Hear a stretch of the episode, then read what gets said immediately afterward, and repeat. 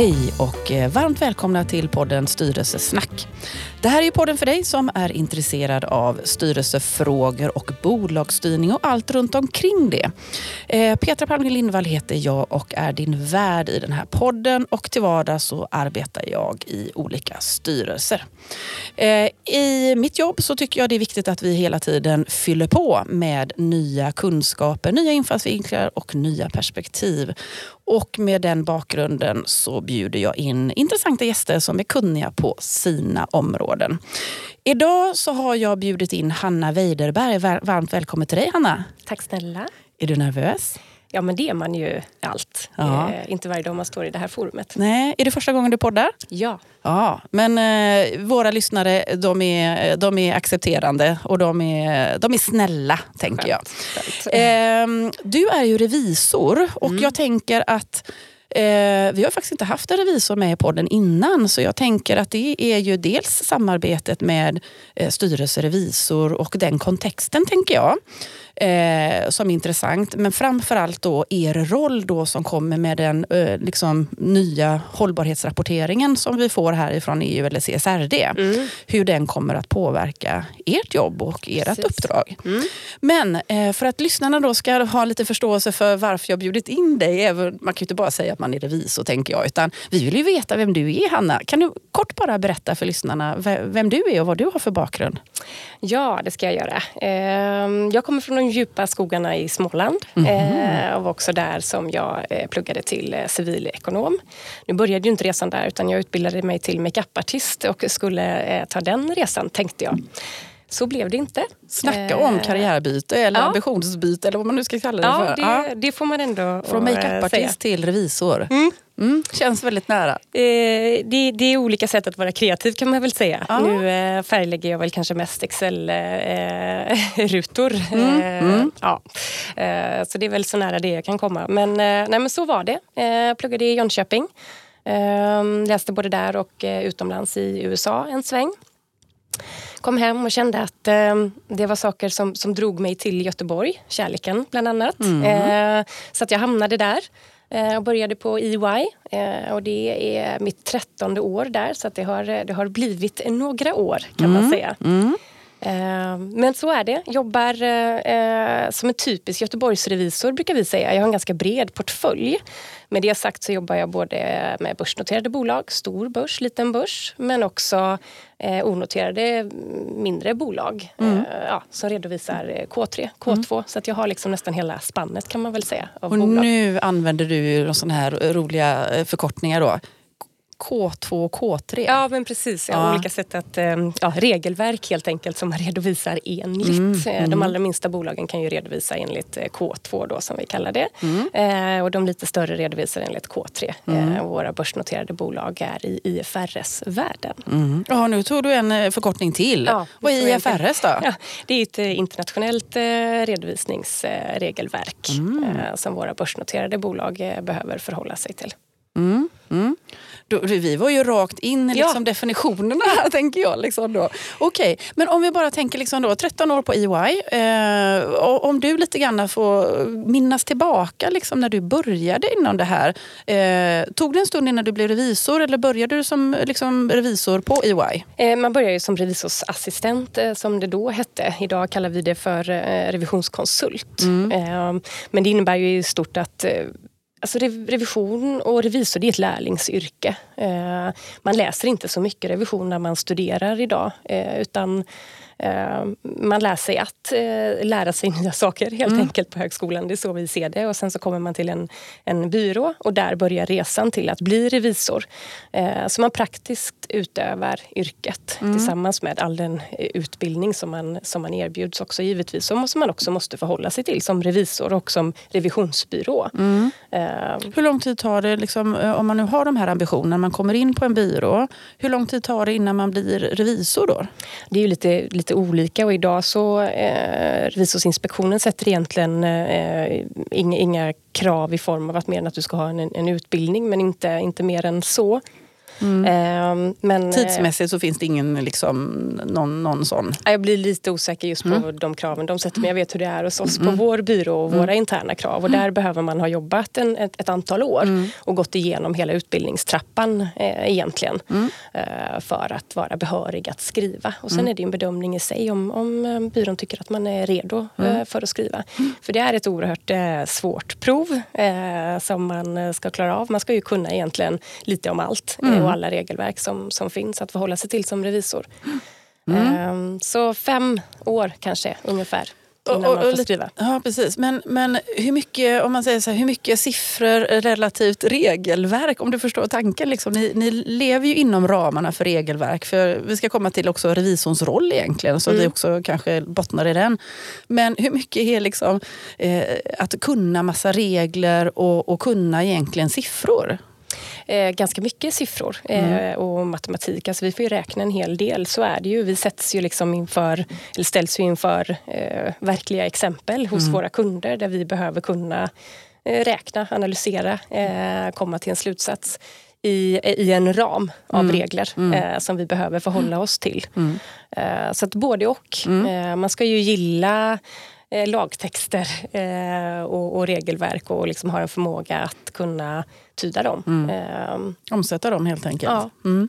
Om vi då lite grann, nu, nu, tror jag att de flesta lyssnare har lite koll på eh, liksom, revisorns roll och så. Va? Men, men om vi liksom ändå, eh, då tar jag på mig lite grann då, om man tänker liksom de här bolagsorganen som vi faktiskt har i den svenska bolagsstyrningsmodellen där revisor är ju ett organ, eh, jämförelsevis årsstämma, styrelse och VD. Mm. Eh, om du då skulle liksom bara beskriva, vad, vad, vad skulle, hur skulle du beskriva revisorns roll i, det samman, i bolagets sammanhang? så att säga? För revisorn tillsätts ju av ägarna på en stämma. Mm. Eh, och vad är då uppgiften för en revisor? Kort bara. Liksom. Eh, ja, men någonstans är det ju att, att säkerställa den finansiella information som bolagen delar eh, med intressenter. Mm. Oavsett om det är på en, på en börs eh, och ägare av det slaget eller om det är onoterade bolag så finns det alltid intressenter av den information som bolagen ger ut. Mm. Vår primära uppgift är att säkerställa att den finansiella informationen är väsentligen korrekt. Mm. Att den överensstämmer med den bild som bolaget visar. Och i ett första läge innan information är publik så är det ju att kommunicera eh, till revisionsutskott eller styrelse eh, vad vi har noterat eh, mm. under vår resa och den granskning vi har gjort av mm. bolaget. Mm. Och när du säger granskning då, får man vara lite detalj, liksom ner på detaljerna då? Vad, vad, vad, vad är det ni faktiskt granskar? Ja, men i, ett första läge så är det ju en, en förvaltningsrevision, en lagstadgad förvaltningsrevision som vi gör. Där vi bland annat tittar på skatter och avgifter och säkerställer att, att bolagen hanterar dem korrekt. Mm. Eh, men vi tittar också väldigt mycket ingående på intern kontroll och hur det ser ut i bolagen. Mm. Eh, vi följer processerna, eh, lär känna bolaget för att verkligen förstå hur det går till. Eh, identifiera risker som finns i de processerna. Eh, och sen testar vi ju eh, mm. hur bolagen gör för att täppa igen hålen eller riskerna eh, mm. som vi ser. Mm. För att det inte ska påverka den finansiella informationen negativt. Mm. Så ni hjälper också bolagen med att återkoppla liksom, när, ni, mm. eh, när ni gör era granskningar? Liksom, vad är det ni har hittat? Vad är det ni föreslår, rekommenderar att man också ska göra för att minska risken? Ja, tänker precis. Jag. Så är det ju. Vi ser ju absolut oss själva eh, som ett stöd eh, i, i, form av att vi hittar liksom, eh, brister i de interna processerna eh, mm. som kan göra att det kan bli väsentliga fel. Mm. Um, Uppfattar man, märker du ibland av att man tycker att ni är lite jobbiga? Absolut. ni ställer de här, vad fasen, måste ni komma här och granska? Och jo, det gick ju så bra här. Nej då. Kanske oftare mer så faktiskt. Ja. Eh, sen, sen har vi absolut väldigt många trevliga kunder så det är väldigt härligt att vara där. Men det blir ju en i form av ifrågasättande. Mm. Eh, även om det liksom inte vi försöker att vara ödmjuka i hur vi, hur vi frågar eh, och säkerställa att vi förstår saker rätt. Mm. Eh, för så kan det ju också vara, att man mm. missförstår varandra längs vägen. Men det är ju ehm, eh, det är ju så vi ser oss. Vi, vi vill ju att det ska vara rätt. Mm. Eh, det är ju eh, det är ju det vi vill. Men jag tänker, ni kommer ju in liksom med er profession, era infallsvinklar som vi kanske normalfallet inte har i bolaget. Alltså det kan man ju titta på alla delar i ett bolag, mm. att vi blir, får ju lite eh, skygglappar liksom, för att vi har gjort saker och ting väldigt länge på ett visst Mm. sätt. Liksom. Och så kommer ni in och så, och så har ni både kunskap och erfarenheter från andra och även då liksom kring regelverk som man kanske inte alltid har tolkat på ett korrekt sätt till Nej. exempel. Och så, så det, då blir det ett stöd och hjälp tänker jag. Mm. Mm. Jo, men det tycker vi. ja, det tänker jag. Eh, eftersom detta är då en, en, en styrelsepodd så tänker jag så här. Eh, alltså om, om en styrelse då, alltså vilka, vilken relation bör en styrelse ha med sin revisor? Och om du då skulle få rita upp, för vi har, alltså man kan ju ändå tänka liksom en, en årsarbetsplan Mm eh, där vi har liksom stämman eh, där man väljs och där man också tittar på räkenskapsåret som har varit Mm. och så ska man in i det nya räkenskapsåret Mm. eh, och så säger vi att det är en årsarbetsplan. Då. Eh, n- liksom, hur, vill, hur tycker du generellt sett att, en, att man ska jobba tillsammans mellan styrelse och eh, revisorn under det här året? Ja, jag tycker absolut att man ska höras redan liksom i planeringsstadiet. Mm. Eh, Vi kan gärna sätta vår planering så som vi tänker den eh, initialt. Men därefter vill jag gärna träffa eh, styrelsen Mm. och presentera vår plan. Eh, för där har man ju också en chans som styrelse att påverka. Mm. Att, att framföra identifierade risker man själv kanske ser Mm. eh, eller eh, saker som man önskar att, att revisorn ska titta lite extra på. Mm. Ehm, och, och ge tillbaka den inputen i ett tidigt skede för då kan vi ju också styra revisionen eh, utifrån de liksom, önskemålen eh, inom, inom givna ramar, eh, givetvis. Eh, och sen så sker ju då den här förvaltningsrevisionen löpande, intern kontrollgranskningen. Eh, och efter det eh, så tar jag gärna en, träff igen eh, för att berätta hur det gick. Eh, Vad är vi någonstans då i års... Är det, är, det in ett halvår in då i är det den ett halvår in Mm. i den planen skulle jag säga. Eh, vi brukar ju starta upp efter sommaren egentligen. Mm. Eh, och då har vi det här första mötet som jag sa och sen så går hösten lite grann och när hösten börjar närma sig sitt slut Mm. så har man gärna det här eh, lite eh, ja, halvårsstatusmötet där man avrapporterar hur det, eh, hur det ser ut Mm. och vår uppfattning av läget för att man också ska ha en chans att korrigera Mm. innan, innan årsboksslutsarbetet eh, slutsarbetet sätter igång. Mm. Ehm, och, och där har vi ju vår chans att ge liksom lite early warnings eh, och förmedla att vi ser en brist i det här eh, och att också ge bolaget en chans att, att åtgärda det Mm. eh, för att minimera risken för fel eh, sen i årsbokslutet. Mm. Och sen kommer årsbokslutet och det är eh, granskning av det och årsredovisning. Och innan man publicerar den eller skickar in den slutligt så önskar vi ju gärna ses igen. Mm. Och dels då för att avrapportera hur årsbokslutet som sådant har gått. Eh, och också följa upp på de internkontrollnoteringar som vi hade tidigare under hösten eh, och hur det har sett ut. Eh, och det behöver inte betyda att någonting har blivit fel och då vill man ju också berätta det. Att visst, vi identifierade det här eh, problemet sett till internkontroll men vi har inte noterat några fel kopplat till det.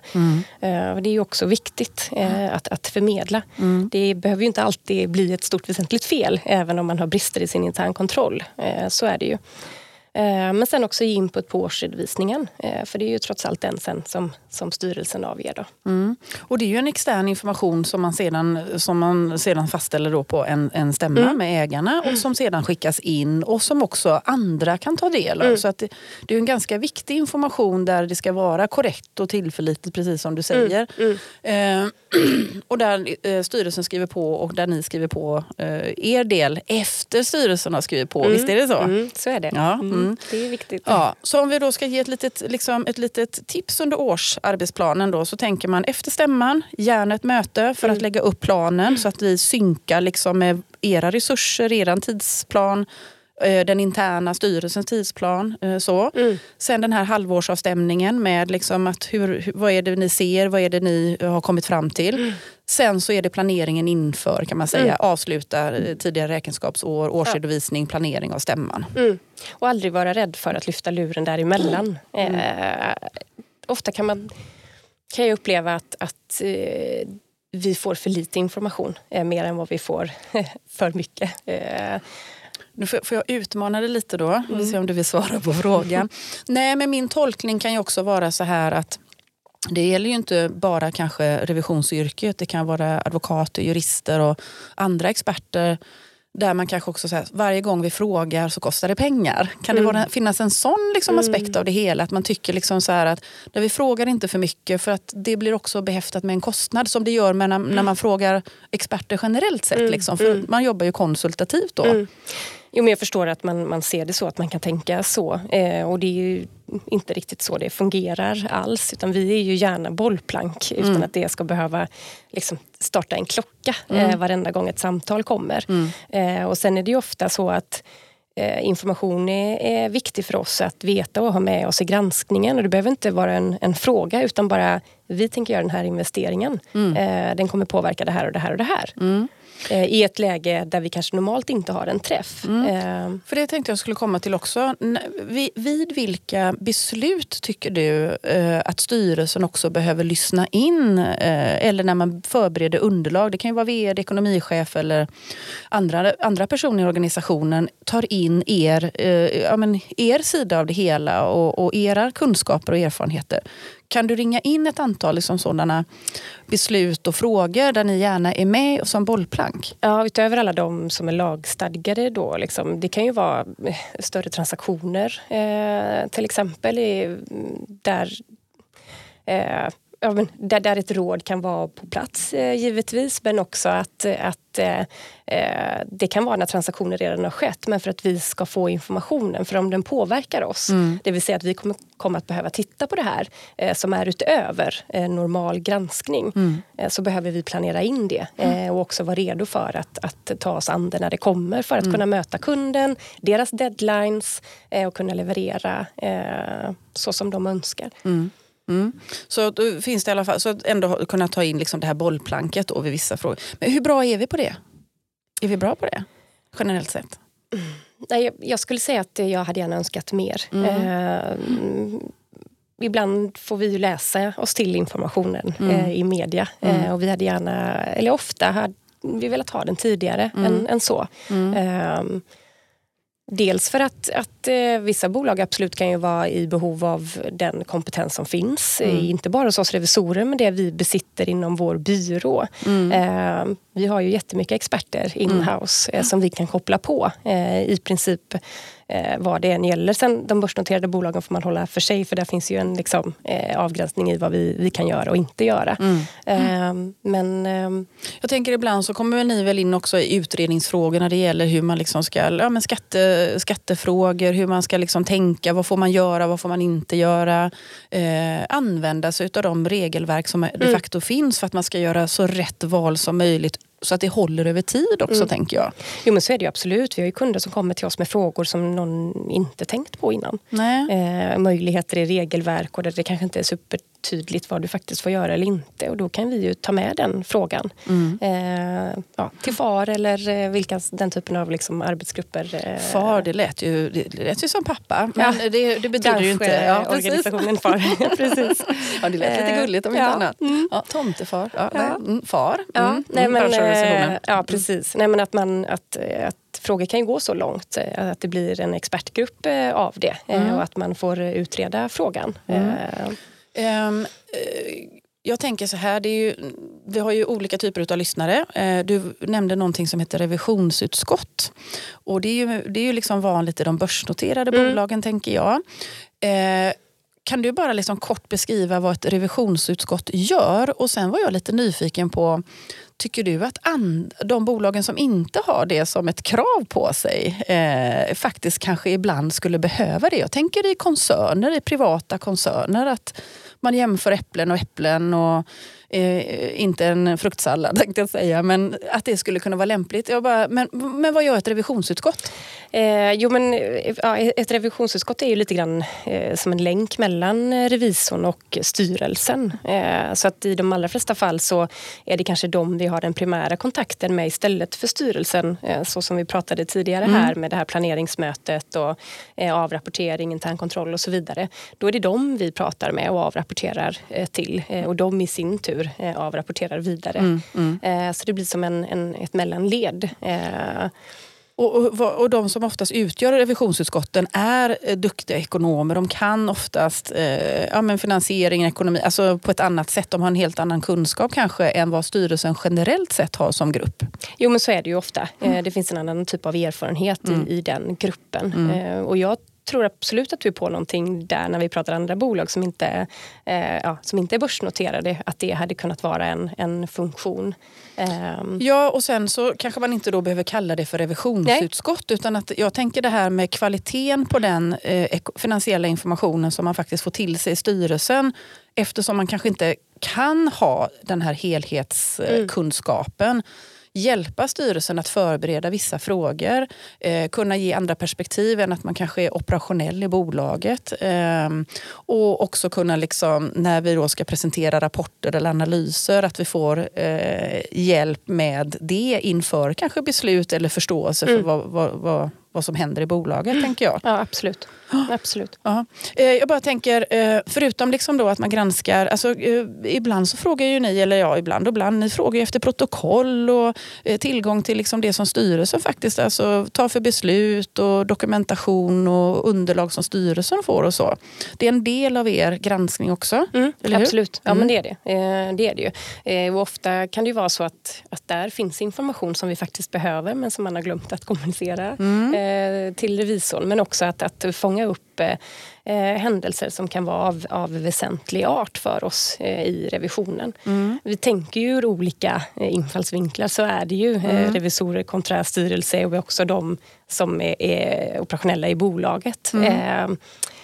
och det kan vi ju fånga upp genom att, att läsa de här styrelseprotokollen. Mm. Bland annat. Och då tänker jag nu liksom i moderna tider när vi har styrelseportaler eh, som väldigt många kanske använder sig av, i alla fall när man har ett mm. aktivt styrelsearbete och man har kanske lite storlek på bolag. Eh, att eh, man också bjuder in er mm. revisorer till de här portalerna som, så, så, att ni får titta på den här informationen. Absolut. När ni får det, eh, gör ni det löpande då? Eller, hur, hur, eh, eller blir det liksom ändå det här nej men nu, nu, nu ska vi sätta igång arbetet här med bolag A till exempel. Nu går vi igenom, då har vi tillgång till materialet. Eller är det så att ni går in och tittar på det här materialet löpande? Jo, men det skulle jag säga. Är du en revisor som har jobbat eh, ett tag och auktoriserad så, och, och framförallt kanske de börsnoterade bolagen så följer man ju styrelseprotokollen mm. Eh, löpande. Mm. Eh, skulle jag säga. I de mindre bolagen koncentrerat kanske till det här halvårs eh, granskningen som ja. görs. Mm. Eh, och sen så följer man upp det i mm. årsbokslutet. Då. Har det ändrat möjligheterna, tänker jag, nu när vi liksom också har digitaliserat väldigt mycket? Liksom det här, ja, men ta styrelseportalet till exempel, där ni har tillgång till att det också gör det enklare att liksom löpande få den här informationen om ni skulle vilja? Absolut. Så att det, det har gett er andra förutsättningar tänker jag. Jo men så är det ju absolut. Tidigare mm. var väl liksom, det kanske hos den som var vår primära kontakt hos kunden att skicka mm. över de här. Mm. Eh, men, men nu kan vi ju styra det själva mm. eh, och det blir effektivare och, och, enklare för båda parter skulle jag säga. Mm. Och, och, att man också samlar allting så att det är lätt att liksom förhoppningsvis om det är en bra styrelseportal så, tänker så, jag finns, då, allt där. så finns ju allting ja. liksom lite enklare och mm. Eh, strukturerat Absolut. i alla fall. tänker jag. Eh, vilken är er annars primära kontaktperson på ett bolag? Eh, ja, men, stora bolag så är det den som är redovisningsansvarig eh, men också eh, CFO mm. Eh, ofta mm. Eh, skulle jag säga. Mm. Eh, de lite mindre bolagen så är det ekonomichefen mm. som är vår primära kontakt. Mm. Så det är det mest löpande, liksom, den, mm. ja, den primära och den som man kanske mer löpande har. Ja. Och då är ju de allra flesta med ett aktivt styrelsearbete har ju ofta sin ekonomichef eller CFO på ett eller annat sätt in i styrelsemöten där, mm. vi gör, där man kanske också är med och bidrar till den ekonomiska rapporteringen. Mm. Så att man har ju, man har ju också en, kanske en löpande eh, relation med styrelsen eller möte med styrelsen och är mer insatt kanske i styrelsens arbete också. Mm. Tänker jag. Jo men absolut så är det ju. Mm i, i, i de fall det finns en CFO så är den ju alltid med eh, mm. på våra avrapporteringar mm. eh, i ett första led. Mm. Eh, men också i ett andra led där kanske avrapportering sker till ett utskott eller till en styrelse. Mm. mm. Okej, men då tänker jag så här, men då har, vi, har, vi, har jag glömt någonting eh, i, kopplat till liksom att sätta revisorn i relation i bolaget och på kartan och, och styrelsen? Eller? Nej, men I en förenklad form tror jag att vi har eh, ja. rätt ut det. Ja, kommer jag på mer grejer så, så, kör, ja. så får, jag, får jag återkomma. Jag tänker så här, eh, eh, anledningen till varför jag först frågade dig om att vara med i podden, eh, det var ju faktiskt då den här eh, ändrade hållbarhetsrapporteringen. Och vi mm. har ju haft tidigare gäster som har pratat om EU-direktiv, eh, e CSRD, ehm, generellt sett och vad kanske bolag behöver tänka på. Mm. Olika bolag slås ju också av den här, de här lagkraven beroende på omsättningsstorlek mm. och så här lite olika. Mm. Däremot så ser vi också då att eh, är man i en värdekedja med den här typen av bolag så kommer man också att få, få förmodligen lämna ifrån sig mm. information mm, till absolut. dem. Men då tänker jag bara så här, ni, alltså, när, vi, när vi pratar om hållbarhetsrapportering så som den ser ut idag, idag. då. Mm. Eh, om vi bara börjar där. Hur ser er roll ut idag kopplat till hållbarhetsrapporteringen och sen i nästa steg då hur kommer den att se ut här eh, framöver? Mm. Ja, men det är intressant för det är en väldigt stor skillnad. Eh, mm. Eh, skulle jag säga. Mm. Så som den ser ut idag, eller nuvarande krav på hållbarhetsrapportering eh, enligt årsredovisningslagen eh, så, så ska vi som revisorer egentligen bara yttra oss om eh, ifall en rapport har upprättats eller inte. Mm. Eh, och där kan man väl säga att någon omfattande granskning av, av sakinnehållet har inte krävts. Nu förstärks ju den här granskningen eh, och vårt uttalande ska göras med vad vi kallar då en begränsad grad av säkerhet. Eh, det betyder att hållbarhetsrapporten som sådan blir föremål för översiktlig granskning, eh, vilket är någonting som vi kallar för ett bestyrkande uppdrag. Mm. Så att, och det är svårt för en utomstående kanske liksom förstå vad innebär det. Mm. Men det är klart att det, för vår del innebär det ganska mycket. Mm. Det är en ganska stor skillnad i vad vi behöver göra. Att, att säga att en rapport har upprättats eller inte. Mm. Det är lite enklare. Det är lite enklare. Mm. Men, men nu ger vi en, en grad av säkerhet liksom, i vårt uttalande. Mm. Och lite liksom, mer likt den finansiella revisionen. Alltså, om man granskar en, en kvartalsrapport så gör man det genom översiktlig granskning. Precis på samma sätt som vi nu då ska göra för hållbarhetsrapporten. Mm. Eh, så att om ett bolag lämnar en, Q3-rapport till exempel och, och revisorn ut, uttalar sig om den så är det samma typ av uttalande som ska göras nu då för hållbarhetsrapporten. Mm. Men håller, eh, kommer den fortfarande ligga kvar i årsredovisningslagen? Eh, regleringen kring mm. det menar du? Mm. Eh, Ja, det tänker jag att det kommer att eh, ändras, mm. årsredovisningslagen. Mm. Eh, ja, så ser jag det absolut. Eh, mm. Själva rapporten som sådan kommer att hamna i förvaltningsberättelsen. Mm. Kan du, kan du liksom bara, vad skiljer det sig från idag? Om du bara liksom på, så att vi förstår då, som då som ja, men Idag har man egentligen och... kunnat välja eh, mm. om man vill ha den inom förvaltningsberättelsen eller utanför. Och nu ställs det ett, ett, ett krav? Ja. Mm, okay. Eh, om man liksom backar tillbaka bandet lite grann. Och liksom så här, när började ni då inom eh, liksom byrån att eh, förstå att det här var på gång? Liksom, hur lång tid tillbaka har ni liksom, eh, bevakat det här området?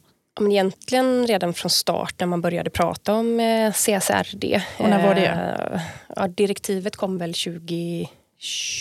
Mm. Mm, så det var ju inte jättelänge sedan. Det är inte jättelänge sedan. Eh, men, men då har väl egentligen branschen eh, redan från start uttalat att, eh, att en auktoriserad revisor är en, en lämplig part att, att genomföra mm. Eh, den här typen av granskning.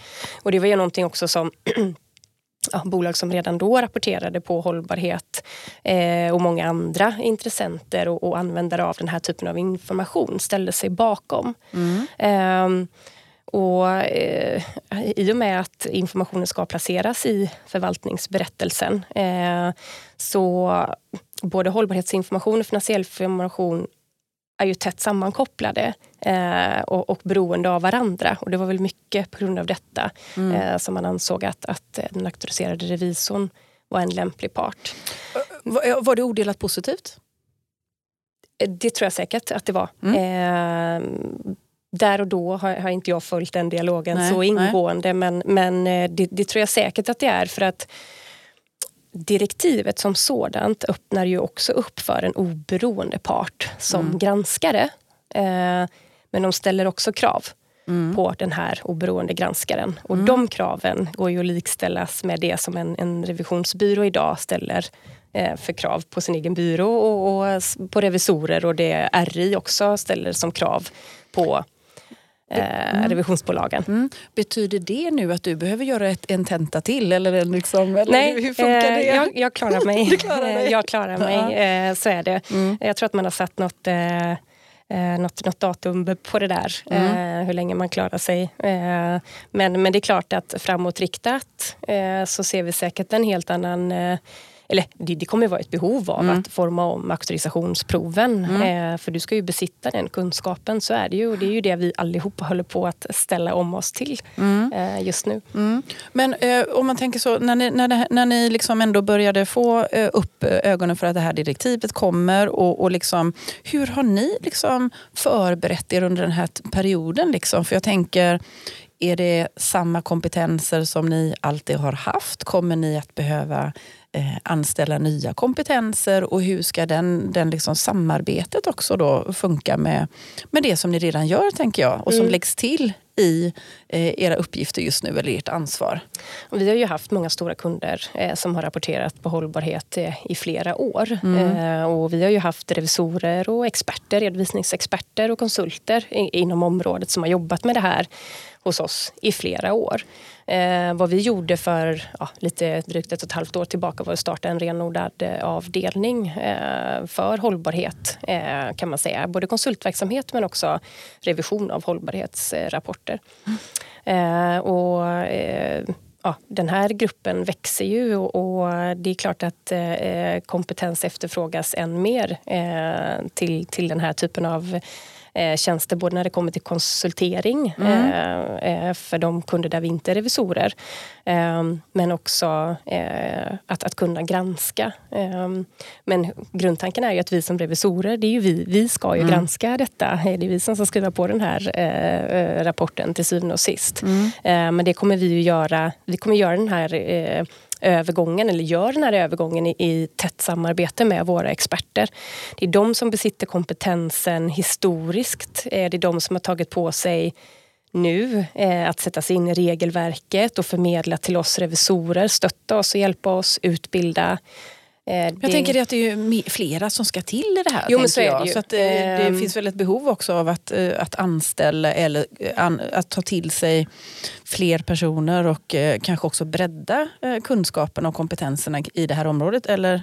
Alltså, om man liksom tittar på hur vi och kunderna är ju, blir två olika i det. Mm.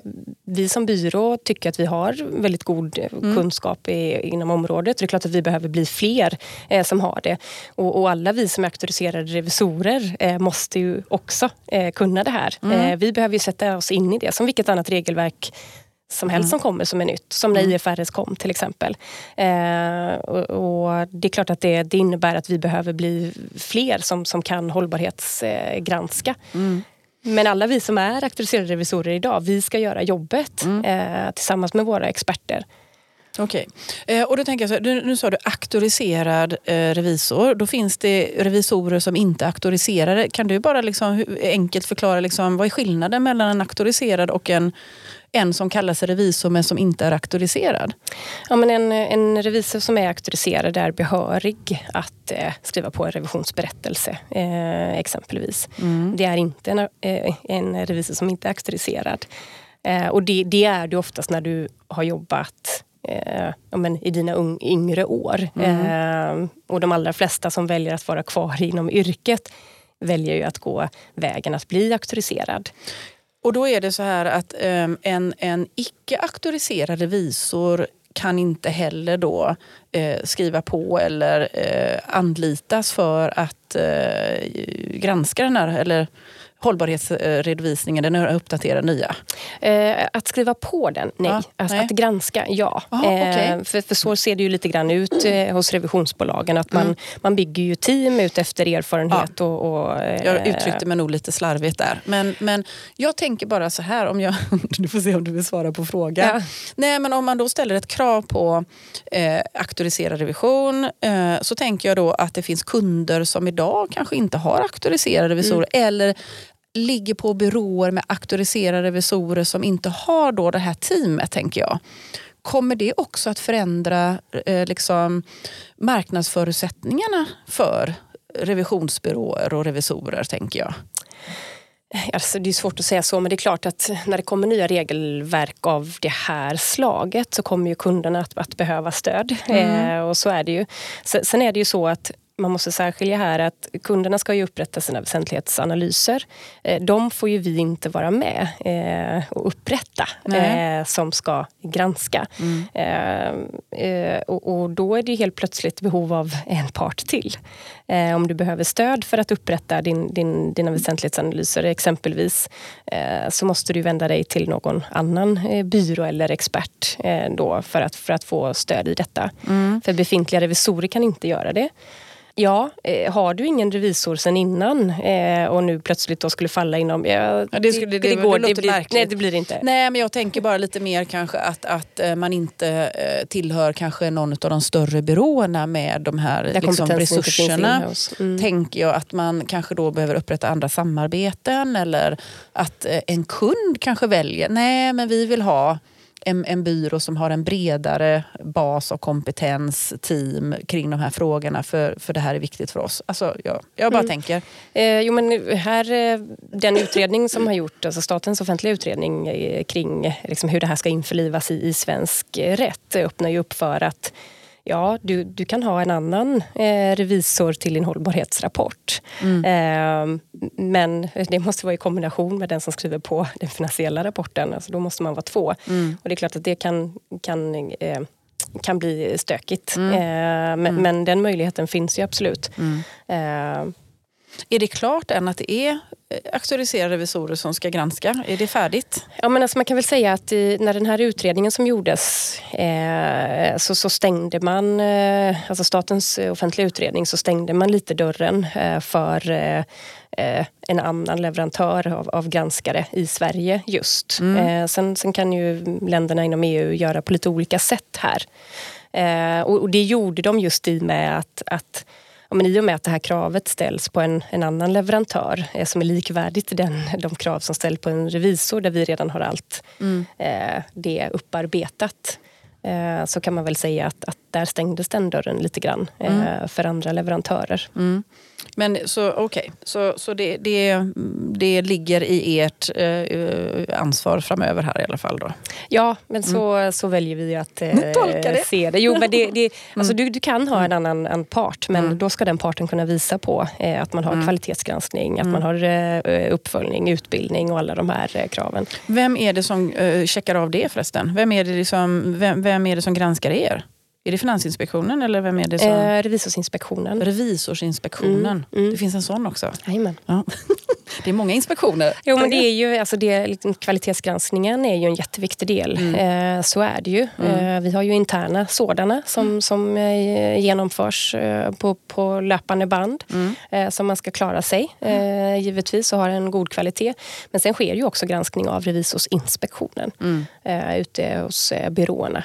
Kommer det bli lite mer febrilt arbete kring det nu tror du? Eh, eller, eh, ja, det är klart att det behöver, eh, så fort första eh, omgången av rapporter kommer ut här och revisorerna ska uttala sig, att, att eh, det behöver kontrolleras om, om man tycker att det görs utefter så som tanken är mm. eh, från EUs sida, mm. givetvis. Så det tror jag absolut. Mm.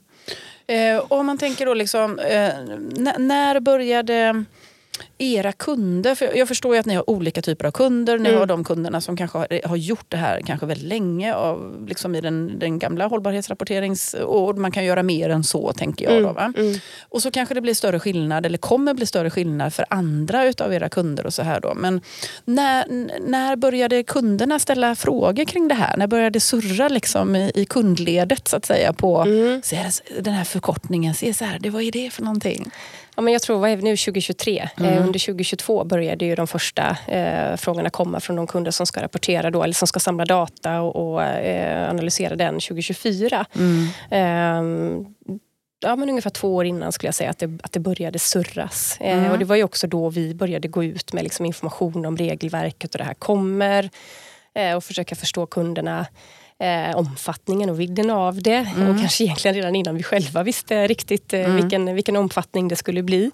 Eh, men eh, ungefär i den... Eh, mm. ja, Ja. Så, då, så de var ganska snabba på bollen jo, men Våra börsnoterade bolag, ja. absolut. Mm. Eh, och det, är, men det är ju stora verksamheter med många, många i värdekedjan. Mm. Eh, och det är många datapunkter mm. eh, att samla in kan man mm. konstatera. Ja.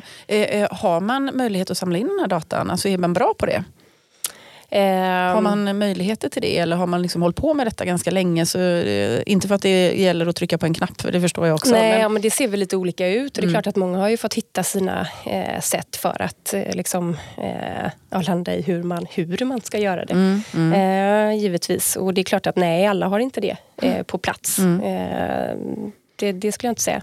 Har du någon uppfattning då, om vi, inte tar, om vi eh, frångår då de här större börsnoterade bolagen mm. så, så, och så tittar vi kanske lite på de här ja, men lite små och medelstora privata eh, företagen.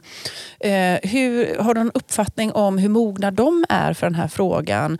Eh, för även om inte många eh, kanske av dem slås av lagkravet här och nu så mm. kommer de ju bli påverkade, tänker mm. jag. Mm. Så rimligtvis så kommer man ju ändå kanske då ställa en massa frågor eh, relativt att man är en värdekedja med andra, mm. tänker jag. Alltså, hur mogna, har du någon uppfattning om hur mogna de bolagen är?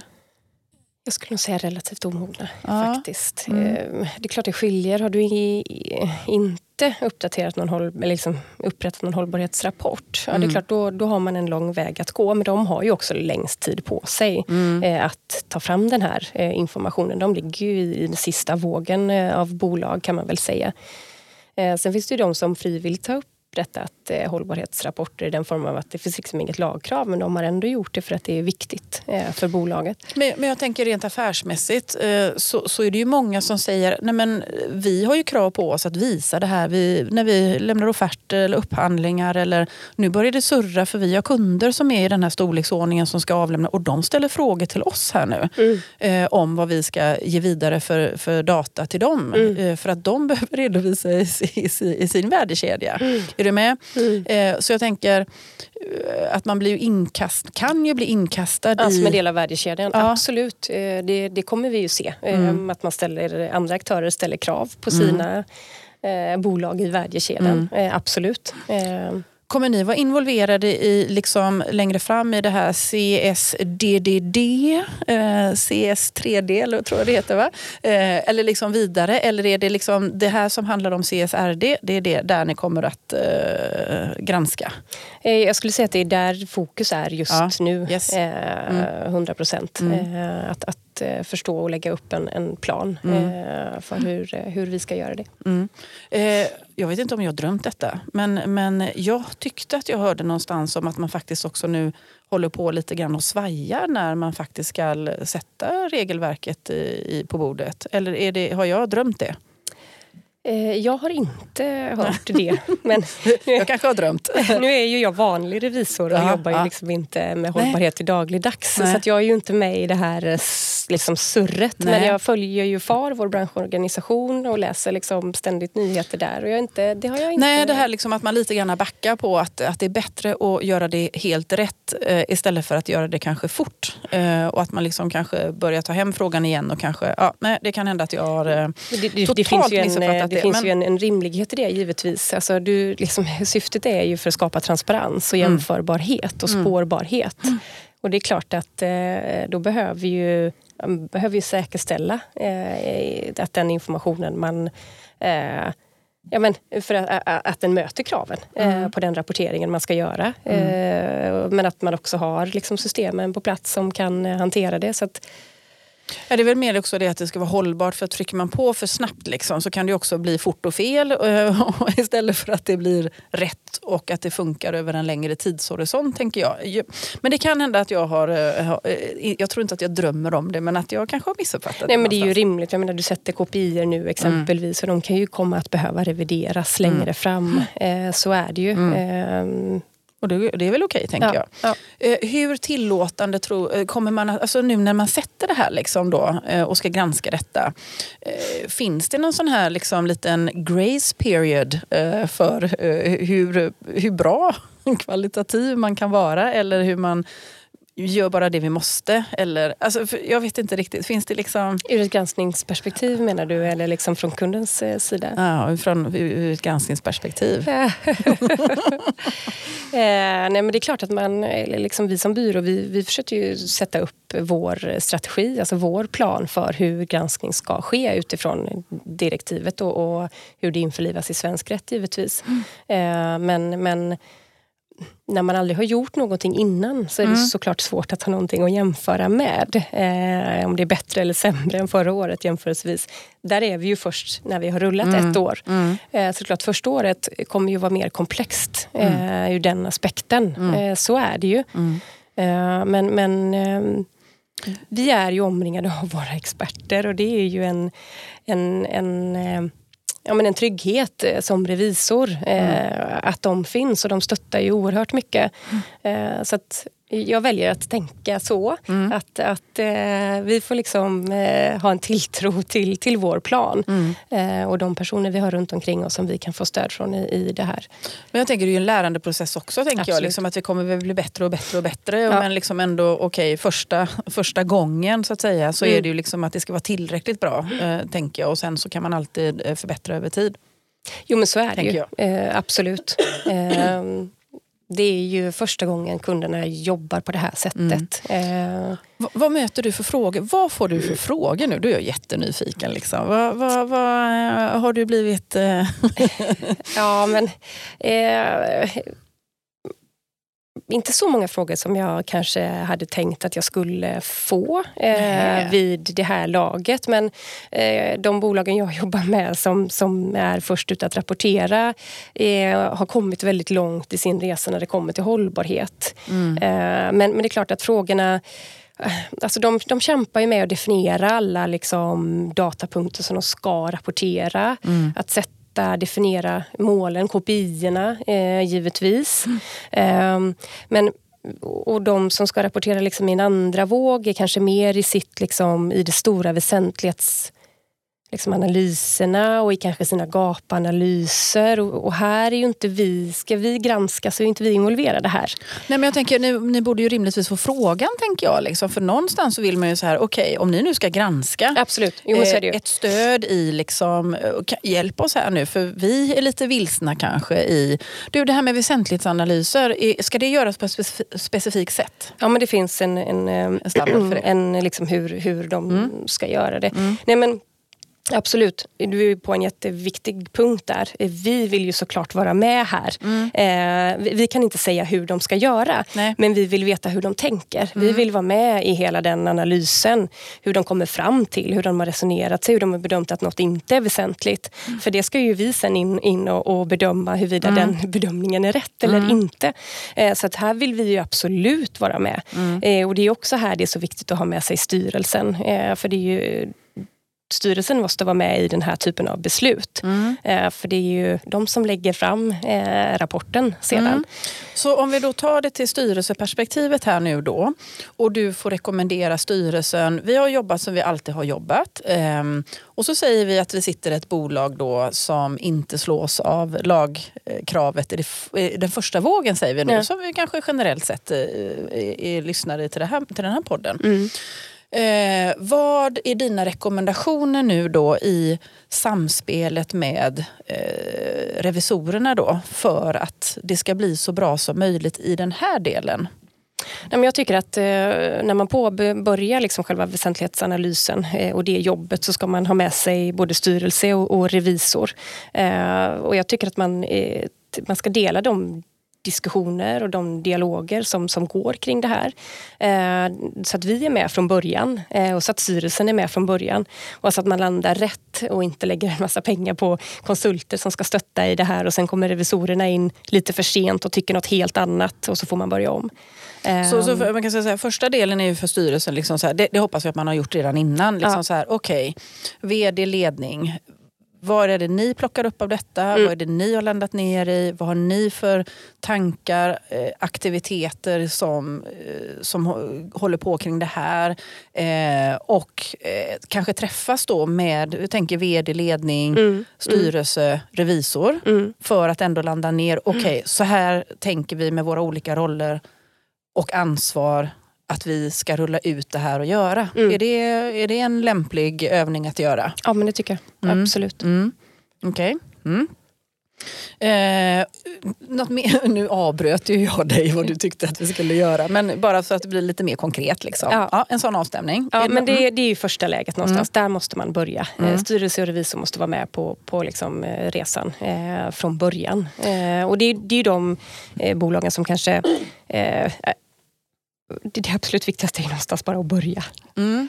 Eh, för de som inte har gjort det eh, ännu. Eh, det är ett otroligt omfattande regelverk och det kommer kräva mycket tid och energi. Och här ligger svårigheten för oss att kommunicera det till kunden och få dem att förstå eh, mm. vidden av det hela. Mm. Och det är väl en sån liksom en, en oro eh, som finns. Våra börsnoterade bolag de har redan rapporterat på taxonomin eh, mm. exempelvis. Eh, de, har enligt, de har vant sig lite? De har rapporterat enligt ESEF, vilket man mm. också tror då att eh, hållbarhetsrapporten ska eh, taggas. ESEF är enhetlig elektroniskt rapporteringsformat. Mm, det var bra att du kom med den förklaringen. Det var en ny benämning även för mig, ESEF. Ja, ja mm. men det är, alltså man kan säga istället för att Eh, det är ett nytt standardiserat eh, elektroniskt eh, format för finansiella rapporter. Mm. Man skickar in, istället för en pdf, så skickar de in årsredovisningen i XHTML-format mm, till.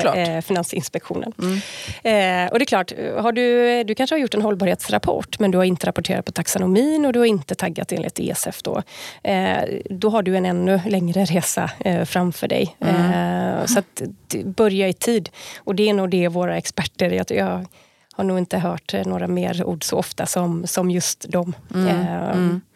Så någonstans är det, landa liksom ner i kontexten. Var är vi någonstans? Vad behöver vi göra? Olika roller, revisor, styrelse, vd, ledning tänker jag. Mm. Eh, för att liksom också landa ner i vem som gör vad och i vilka tidshorisonter. Och sen mm. kanske att man också gör avstämningar så att man är tillsammans med på progressen liksom i, den, i, i det ledet, mm. tänker jag. Mm. Eh, vad tycker du också då, eh, och nu har jag lite olika frågor här. En, eh, en styrelse, för det kan ju se olika ut. En styrelse som då ställer frågan kring liksom, ja, men hur mycket har, har liksom ni i den operationella verksamheten, vd-ledningen, greppat kring det här? Eh, hur kommer ni ta er an det här? Och så kanske man, man skulle kunna få ett svar. Men det där behöver ju inte ni lägga er i. Liksom. Ni får skriva på sen när det är dags. Liksom. Det här är vårt arbete. Det här gäller vår, liksom, den, den, den löpande förvaltningen här nu. Så att, eh, håll, håll er borta. Mm, ja, det rekommenderar jag ju inte, eh, att gå den vägen. Men Nej. det är tufft om man får dem eh, ja, för, för, man ska lägga sig i i alla fall, ja. tänker jag. Mm. Mm. Absolut. Alltså, och, och jag, jag, tycker att CFO blir viktig här, eller ekonomichefen eller vem som nu, liksom, vad man nu har för roll på sitt bolag. Alltså, dels definiering av datapunkter.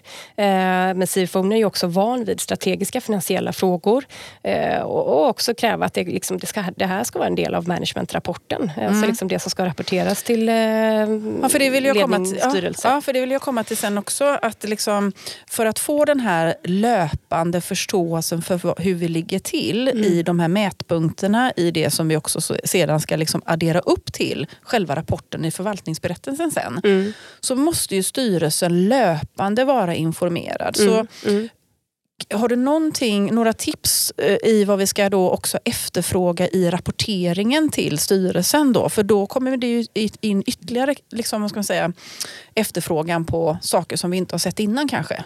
Ja, men det handlar ju om att de, den, eller det, de som kommer att avrapportera den klassiska managementrapporten eller liksom, eh, till ledningsstyrelse, mm. att, att de de måste förstå sina hållbarhetssiffror lika mycket som sina finansiella siffror. Eh, de behöver sätta sig in i, i eh, hållbarhetsrapporteringen, redovisningen, eh, precis på samma sätt som att om det vore finansiella siffror. Mm. Mm. Nu pratar jag mindre bolag kanske. Ja, jag, men jag menar mindre ja, bolag. Mm. För jag tror att liksom det, är, det är den gemene mm. lyssnaren i den här podden. Tänker mm. jag, i alla fall. jag hoppas att vi har börsnoterade mm. bolag också. Men, men de mm. har liksom lite andra kompetenser. Så vi ska hjälpa till till de som kanske inte har de här eh, kompetenserna. Då. Eh, du säger också då att CFO eller ekonomichefen är kanske den som kommer att avge den delen i rapporteringen till styrelsen. Eh, det här, jag kanske är helt rudis, men, men är inte detta ett annat fält än vad eh, CFO och ekonomichefer normalfallet är vana vid? Jo, så är det ju. Kommer vi se ehm. andra funktioner på bolag som mm eh, som, som, där det finns en hybrid av att kunna det ekonomiska, kunna affären och kunna de här delarna. Förstår du vad jag tänker? Ja, men absolut. Jag tror absolut eh, att det är en väg att gå om man har den möjligheten att få in eh, expertkompetens just på hållbarhetsområdet. Mm. Eh, för det är precis som du säger, så mycket annat som, som jämfört med det finansiella. Ja, för jag tänker med samma, samma vad ska man säga, antal huvuden mm. så ska vi ju då lägga till någonting. För ja. det är inte så att vi ska ta bort någonting utan vi ska lägga till någonting. Mm. Och där är vi ju superdåliga på, ja ja, nej men det är väl bara att lägga till och så går folk in i väggen istället. Liksom. Istället för att, okej okay, hur gör vi detta kanske hållbart över tid? Mm, mm. Att vi behöver kanske andra som avlastar, hjälper. Eh, vi hade Mikael Salo här i, i en, ett poddavsnitt eh, för lite längre sedan eh, där, där, han tog upp det här att han tror att det kommer komma upp helt nya funktioner som ESG controllers. Mm. Personer som kanske är ekonomer men som då förstår affären på ett annat sätt, förstår hållbarhetsfrågorna och att det kanske utformas kanske helt nya funktioner. Vad, vad... Det tror jag absolut på. Har ja. man den möjligheten så ska man leta efter en sån person eh, mm. redan nu, eh, mm. skulle jag säga. Har man inte den möjligheten får man försöka dela på bördan. Mm. Eh, ja, men det kanske finns en befintlig controller som är bra på att eh, samla data och analysera data eh, och, och, fördela ut de olika delarna inom organisationen. Mm. Eh, men, men jag tror att har man, har man möjligheten att ta in ännu en, en roll på bolaget som har en, en eh, hållbarhetskompetens eh, som absolut eh, vi ekonomer inte har i grunden. Mm. Eh, så, så ska man ta in det. Och jag, vi jobbar ju med flera bolag som, som söker den här typen av eh, kompetens till sina bolag i detta nu. Så att de ser behov av det där ute. Mm. Mm. Så behov av helt nya kompetenser och helt nya funktioner mm. eh, som vi kanske inte har sett innan. Ja, det tror jag. Eh, brukar detta, det kanske inte du kan svara på men jag ställer frågan ändå. Mm. Eh, så eftersom vi pratar om datapunkter, analys, mäta så här. Det låter ju lite grann som att det lätt också skulle kunna hamna på IT eller digitaliseringschefen eller vad man nu har för funktion som mer jobbar med att eh, liksom, eh, data, eh, system för att vi enkelt ska också kunna liksom analysera. Alltså, mm, så. alltså dels samla in eh, informationen. Eh, liksom dels från värdekedjan och om man kanske är en större koncern som har flera olika dotterbolag. Eh, att kunna hantera all, all data och insamlingen av den eh, och liksom säkerställa att ja, men, våra befintliga system eh, stöt, mm, stödjer, stöter, eh, stödjer de den typen av eh, liksom, insamling av data som krävs. Men också underhållet av informationen. Mm. Eller behöver man nya system för att kunna hantera det. Så då hamnar du även i den, i den verksamhetsbenet om man säger så. Ja. Så det, är ju liksom också att det går på bredden här. Ja men absolut. Mm. Eh, absolut, så är det ju. Eh, och du, man kommer ju behöva sätta upp nya processer eh, internt. Då pratar vi kvalitetsansvarig kanske? Precis, mm. Eh, men för att säkerställa den interna kontrollen mm. Eh, givetvis mm. i, i hela den här... Eh, ja, men för att säkerställa att informationen är tillitlig och tillfredsställande och att man har en spårbarhet mm. i sin... ja, ja, att datakvaliteten kan, mm. liksom, att man kan spåra att det är tillförlitligt. Så det ställs också krav då liksom på datan som man samlas in, alltså kvaliteten på den såklart. Ja. Eh, för att jo, den men att, att, den är tillförlitlig och ja. att, att man kan eh, spåra. spåra. Mm. Mm. Mm. Eh, du nämnde tidigare det här med koncerner. Eh, om man då är i, ja, men, i en koncernstyrelse Eh, har du tips och råd hur man ska tänka där? Och om man då har eh, i en koncern där man har dotterbolag, det är klart att man har dotterbolag då, men vi, vi är en styrelse på, i ett dotterbolag då. Eh, hur mycket ska man lägga sig i det här tänker jag? Alltså hur mycket blir man påverkad? Förstår du tanken med att här har vi en koncernstyrelse som ska ta vissa beslut och sen så påverkas vi av det nere i, i dot dottern. Eh, där vi är en styrelse som är ansvariga för det organisationsnumret och mm. den organisationen. Eh, eh, sitter man och väntar då på sin koncernstyrelse att de ska agera eller? Eh... Önskvärt är ju givetvis att koncernstyrelsen eh, tar ägandeskapet. Eh, mm. För det är ju därifrån rapporten liksom till syvende och sist kommer att avlämnas ifrån. Mm. Så att det ska ju helst börja där. Mm. och, man ska ju vara, på det givetvis. Sen kommer ju alla dotterbolagen att påverkas. Mm. Så är det ju. Och det är klart att man behöver ha en dialog löpande, skulle mm. jag säga. Mm. Okej. Okay. Mm. Ja, så att du tänkte på ett, eget, på ett, på ett speciellt eh, bolag här nu? Ja. ja mm. eh, vad, vad, tror du kommer vara liksom, de största utmaningarna generellt sett? Och, och, kanske inte de här stora bolagen nu, men jag tänker för, för de lite mer medelstora mm. eh, bolagen som kanske slås i av det här regelverket mer kanske i andra vågen eller lite senare. Alltså, vad, vad, vad tror du kommer vara utmaningarna? Eh, ja, men, I och med att, man, eh, alltså, att det är styrelsen som kommer att eh, vara ytterst ansvarig för hållbarhetsrapporten som sådan så, så behöver de vara med på resan och det kan ju vara en svårighet att involvera eh, styrelsen eh, från ett tidigt eh, eh skede och liksom få alla eh, inblandade att, att förstå vidden av det. För att det kommer krävas ett gediget arbete eh, för att få liksom, nödvändiga processer, system, policies och data på plats. Eh, och utmaningen är liksom, oron det är att man börjar för sent. Mm. Att man missbedömer eh, den mängd arbete som man har framför sig eh, och vad som krävs för att rapportera i enlighet med det här regelverket. Då är det bättre det... att vara för tidigt ute och inse att ja, men vi, har, eh, vi har koll på läget, vi vet ungefär och, och, ja. och vi har lite, ja, om man nu får säga, gott om tid på oss än att sitta i, i baksätet ja, och bara reaktivt. Att göra sin väsentlighetsanalys att jämföra, liksom, och sen göra en gapanalys jämförelsevis med var är vi idag och vad behöver vi göra för att komma till... Eh...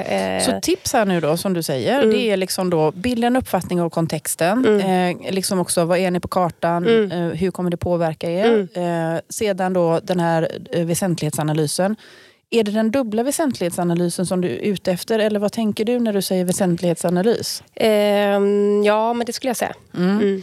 Göra den och då gör man gapanalysen efter det och det är först då man lite grann kan liksom veta, okej, okay, eh, vad är det vi för aktiviteter vi behöver ja, ha med precis. oss? Gör en genomlysning liksom av befintliga policy, rapporteringssystem, hållbarhetsdata för att se okay, vilken information eller vad saknas eh, för att nå den nivå mm. eh, som man behöver komma till eh, enligt regelverket. Mm. Så det är ett antal punkter här, liksom, du säger policies, arbetssätt, eh, liksom, mm. system, mm. eh, rapporter. Alltså det finns ju massa olika delar i det här tänker jag. Mm. Jo men det gäller ju att komma fram till eh, ja, men när man har fått all data insamlad eh, och bearbetad så behöver man ju analysera eh, utfallet av det hela eh, och utvärdera om, om resultatet av den här rapporteringen, om det är någonting som vi är beredda att visa publikt. Mm. Mm. Om man säger nej på den frågan då? Får ja, man då det? får man eh, gå tillbaka. Göra om och göra rätt. Ja. okay. och, och, när du beskriver det här då, att man kanske då underskattar hittar och, och eh, att det också då är, du beskriver ju då policies, arbetssätt, eh, system, eh, analysera, alltså både tid att göra men också mm. investeringar tänker jag. Mm. Har du någon uppfattning om, på ett ungefär, vad det här också driver i kostnader för bolag att gå in i den här nya, eh, vad ska man säga, eran med det här direktivet? Eh, alltså, I och med omfattningen av regelverket som sådant så är det, det är klart att det kommer att kräva ganska mycket mer arbete eh, hos alla bolag som omfattas. Det kommer driva tid och således ökade kostnader för bolagen. Mm. Att säga hur mycket är jättesvårt. Det beror ju också på hur, hur mogen man är idag eh, för att ta sig an allt detta. Eh, och vilka kompetenser man behöver anställa eh, och vilka system man behöver få på plats. Eh, eller om man kan nyttja befintliga. Eh, det är väldigt svårt att säga, men man behöver börja för mm. att bli medveten om vad som väntar. Eh, både i form av liksom den tid det kommer krävas och de kostnader som, som man kommer behöva lägga ner på det. Ja, men tid och pengar är ju, tänker mm. jag, i det här mm. sammanhanget. Mm. ja, jo, men så är det ju och är förknippat med liksom mm. också kostnader tänker jag. Så att eh, en styrelse och en ledning eh, som är naiv och tror att det här kommer inte kosta någonting utan det här gör vi lite med vänsterhanden eh, kan börja tänka om lite. Det är det, det du säger? jag absolut säga. Mm. Okej. Okay. Eh, om ehm, kan du summera lite grann? För nu, vi, vi har ju pratat generellt och ibland kommer vi in och säger liksom, det här är styrelsens ansvar, styrelsen ska skriva på. så här då. Mm, mm. Kan vi landa ner i vad får styrelsen här nu då för annorlunda eh, ansvar än tidigare? För man skulle ju kunna säga så här, ja ja, men jag skriver ju på här liksom det sista då, va? och lämnar det till stämman. Och, och så här. Revisorn har granskat och skriver på revisionsberättelsen mm. och, och sådana saker. Eh, liksom, eh, vad kan det utkrävas för ansvar av styrelsen? Liksom, hur, hur bedömer du, om du kan göra en sån bedömning, ett ökat ansvar för styrelsen? Ja, men I och med att den information i årsredovisningen som man ska avge ökar mm. Eh, så ökar ju också ansvaret, tänker jag. Mm. Eh, det är ju ny information för väldigt många mm. Eh, som, ska, som ska avlämnas. Och det är klart att då, då ökar ju kravet på de som avger den. Mm. Så är det ju. Jag tycker att man behöver förstå eh, liksom i stora drag vad det här regelverket handlar om och jobba tätt med sin ja, men, CFO ekonomichef eh, för att säkerställa liksom att, eh, hur, hur eh, resan eh, går i, i arbetet kring det. Eh, men, men bara konkret, ja, man avger mer information mm, som, man måste stå för. Som man måste stå för. Mm. Om man nu avger en, en felaktig information, säger vi då.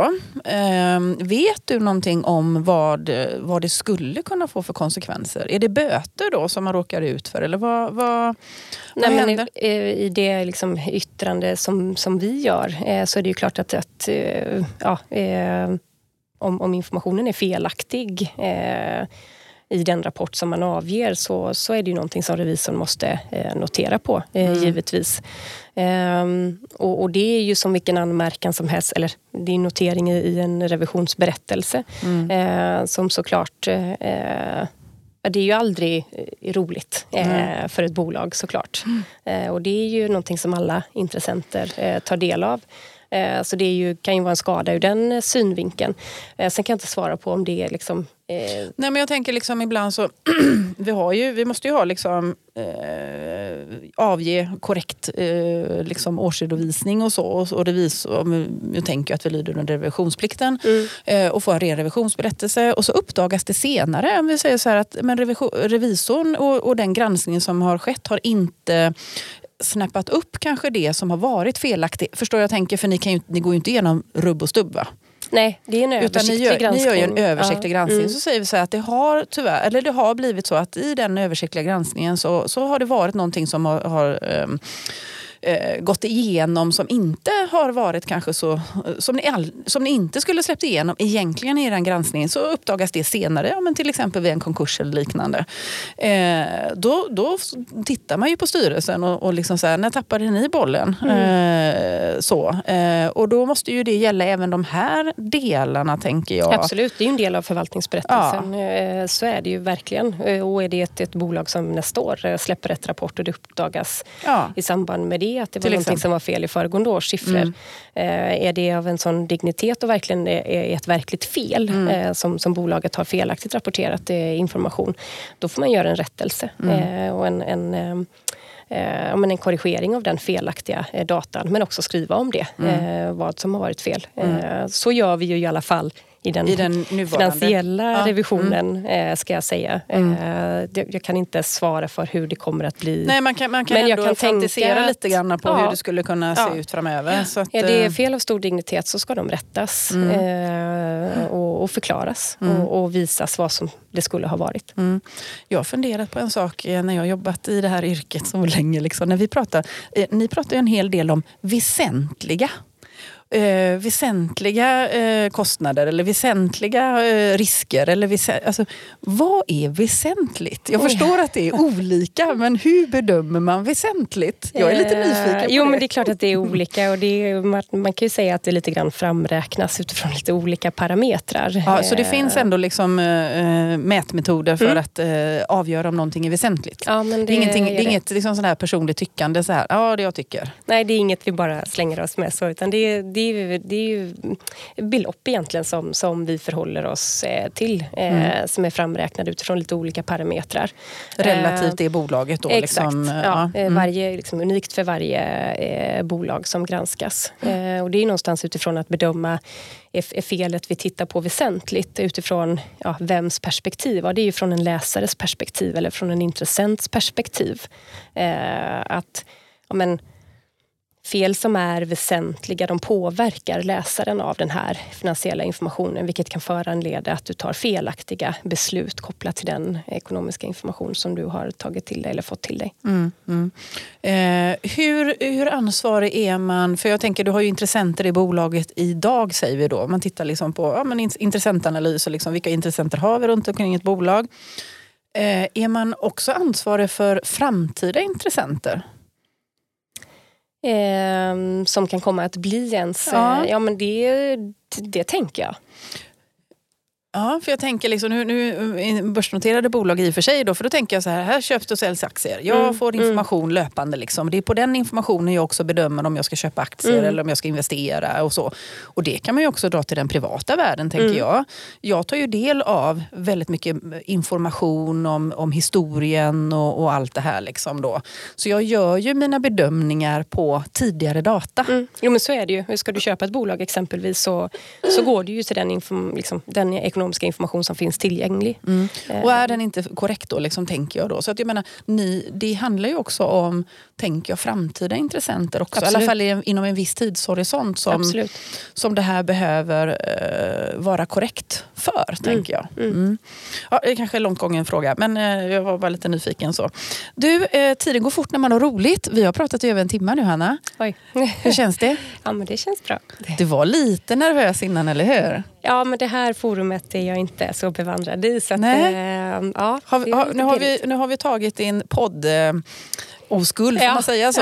eh, och, och, men det känns bra. Du ser ju avslappnad ut måste jag säga. Ja, men jag tror att axlarna sjönk kanske lite längre längre ner allt eftersom tiden gick. Ja. Du, känner du att det är någonting nu, eh, har jag glömt någonting eller har vi glömt någonting i vårt samtal som du känner att det här vill jag ändå skicka med? Det har vi säkert gjort, tänker jag. Ja, men, ingenting men, som du spontant... Inte, som, in, inte någonting som eh, poppar upp sådär, mer än att har ni inte börjat? Börja. Let's start. Ja, mm. Mm, det är mm. väl det största medskicket. Och så tänker jag också så här, ha en god relation med revisorn eh, som en del av liksom, bolagets ja, men eh, resurser. Absolut. Så tänker jag mm. också. är väl ett mm. bra medskick. Ja. Även om vi har sagt det kanske flera gånger. Jo, men allt blir ju också så mycket trevligare. Mm. Eh, så är det ju. Mm. Eh, bra, bra god dialog med alla eh, runt omkring ett bolag tänker jag. är ju ganska Verkligen. viktigt för styrelsen att ha. Hanna, stort tack för att du tog dig tiden och delade med dig av dina kunskaper och erfarenheter till våra lyssnare. Tack för att du fick komma. Ja, så eh, säger vi hej då till er som har lyssnat och hoppas att ni har fått eh, lite eh, inspel, lite perspektiv och eh, lite kanske nya kunskaper. Eh, några kanske känner sig lite mer eh, trygga och lugna. ni är på bollen eller så är det så att man kommer att springa, springa efter bollen här. tack så jättemycket för att ni lyssnar och på återhörande. Hej då!